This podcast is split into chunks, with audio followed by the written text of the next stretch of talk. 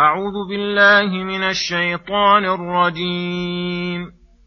وقال الذين لا يرجون لقاءنا لولا أنزل علينا الملائكة أو نرى ربنا لقد استكبروا في أنفسهم وعتوا عتوا كبيرا. يوم يرون الملائكة لا بشرى يومئذ للمجرمين ويقولون حجرا محجورا.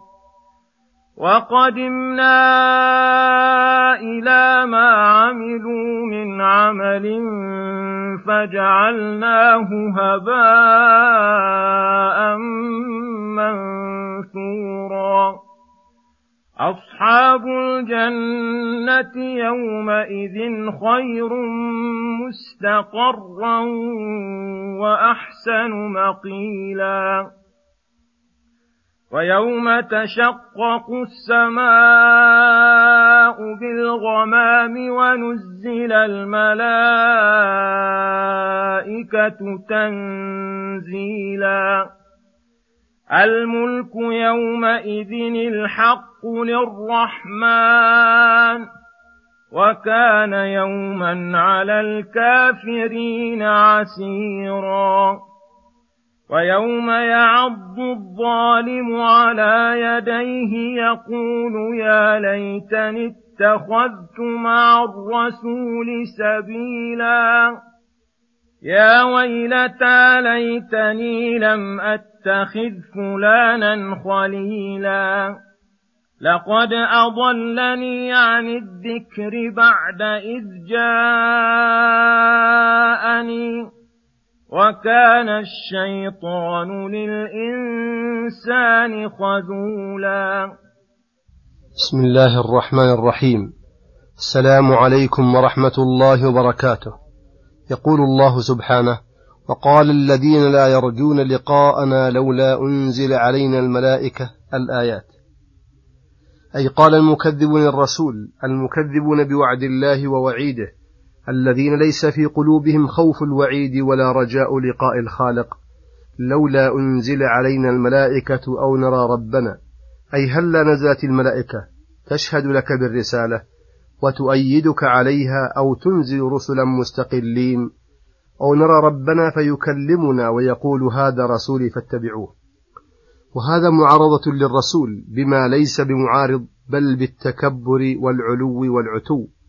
لقد استكبروا في أنفسهم حيث اقترحوا هذا اقتراح وتجرأوا هذه الجرأة.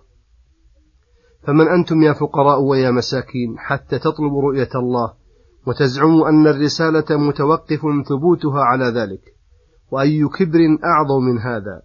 وعتوا عتوا كبيرا أي قسوا وصلبوا عن الحق قساوة عظيمة فقلوبهم أشد من الأحجار وأصلب من الحديد لا تلن للحق ولا تصغى للناصحين فلذلك لم ينجع فيهم وعظ ولا تذكير. ولا اتبعوا الحق حين جاءهم النذير بل قابلوا أصدق الخلق وأنصحهم وآيات الله البينات بالإعراض والتكذيب. فأي عتو أكبر من هذا العتو؟ ولذلك بطلت أعمالهم واضمحلت وخسروا أشد الخسران. يوم يرون الملائكة لا بشرى يومئذ للمجرمين. وذلك أنهم لا يرونها مع استمرارهم على جرمهم وعنادهم إلا لعقوبتهم وحلول البأس بهم. فأول ذلك عند الموت إذا تنزلت عليهم الملائكة قال الله تعالى ولو ترى إذ الظالمون في غمرات الموت والملائكة باسطوا أيديهم أخرجوا أنفسكم اليوم تجزون عذاب الهون بما كنتم تقولون على الله غير الحق وكنتم عن آياتي تستكبرون. ثم في القبر حيث يأتيهم منكر ونكير فيسألانهم عن ربهم ونبيهم ودينهم فلا يجيبون جوابا ينجيهم فيحلون بهم, فيحلون بهم النقمة وتزول عنهم بهم الرحمة. ثم يوم القيامة حين تسوقهم الملائكة إلى النار ثم يسلمونهم لخزنة جهنم الذين يتولون عذابهم ويباشرون عقابهم. فهذا الذي اقترحوه وهذا الذي طلبوه. إن استمروا على إجرامهم لا بد أن يروه ويلقوه. وحينئذ يتعوذون من الملائكة ويفرون ولكن لا مفر لهم.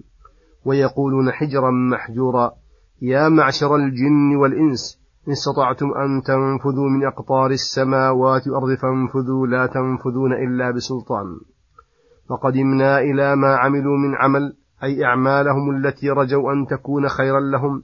وتعبوا فيها فجعلناه هباء منثورا أي باطلا مضمحلا قد خسروه وحرموا أجره وعوقبوا عليه. وذلك لفقده الإيمان وصدوره عن مكذب لله ورسله. فالعمل الذي يقبله الله هو ما صدر من المؤمن المخلص المصدق للرسل المتبع لهم فيه. ثم يقول سبحانه ويوم تشقق السماء بالغمام أي في ذلك اليوم الهائل كثير البلابل. أصحاب الجنة الذين آمنوا بالله وعملوا صالحا واتقوا ربهم خير مستقرا من أهل النار وأحسن مقيلا.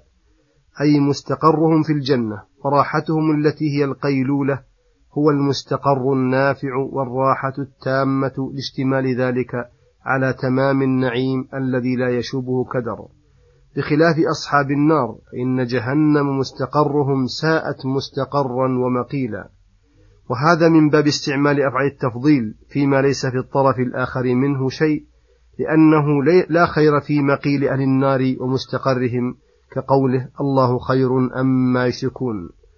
ثم يخبر تعالى عن عظمة يوم القيامة وما فيه من الشدة والكروب ومزعجات القلوب فقال ويوم تشقق السماء بالغمام وذلك الغمام الذي ينزل الله فيه من فوق السماوات فتنفطر له السماوات وتشقق وتنزل الملائكة كل سماء فيقفون صفا صفا إما صفا واحدا محيطا بالخلائق وإما كل سماء يكونون صفا ثم السماء التي تليها صفا وهكذا.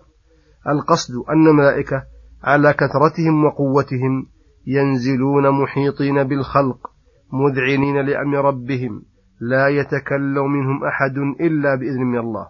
فما ظنك بالآدمي الضعيف خصوصا الذي بارز, بارز مالكه بالعظائم وأقدم على مساخطه ثم قدم عليه بذنوب وخطايا لم يتب منها. فيحكم فيه, الم... فيحكم فيه, فيه الملك الخلاق بالحكم الذي لا يجور ولا يظلم مثقال ذرة.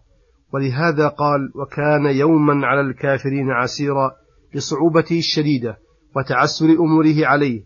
بخلاف المؤمن فإنه يسير عليه خفيف الحمل. يوم نحشر المتقين إلى الرحمن وفدا ونسوق المجرمين إلى جهنم وردا.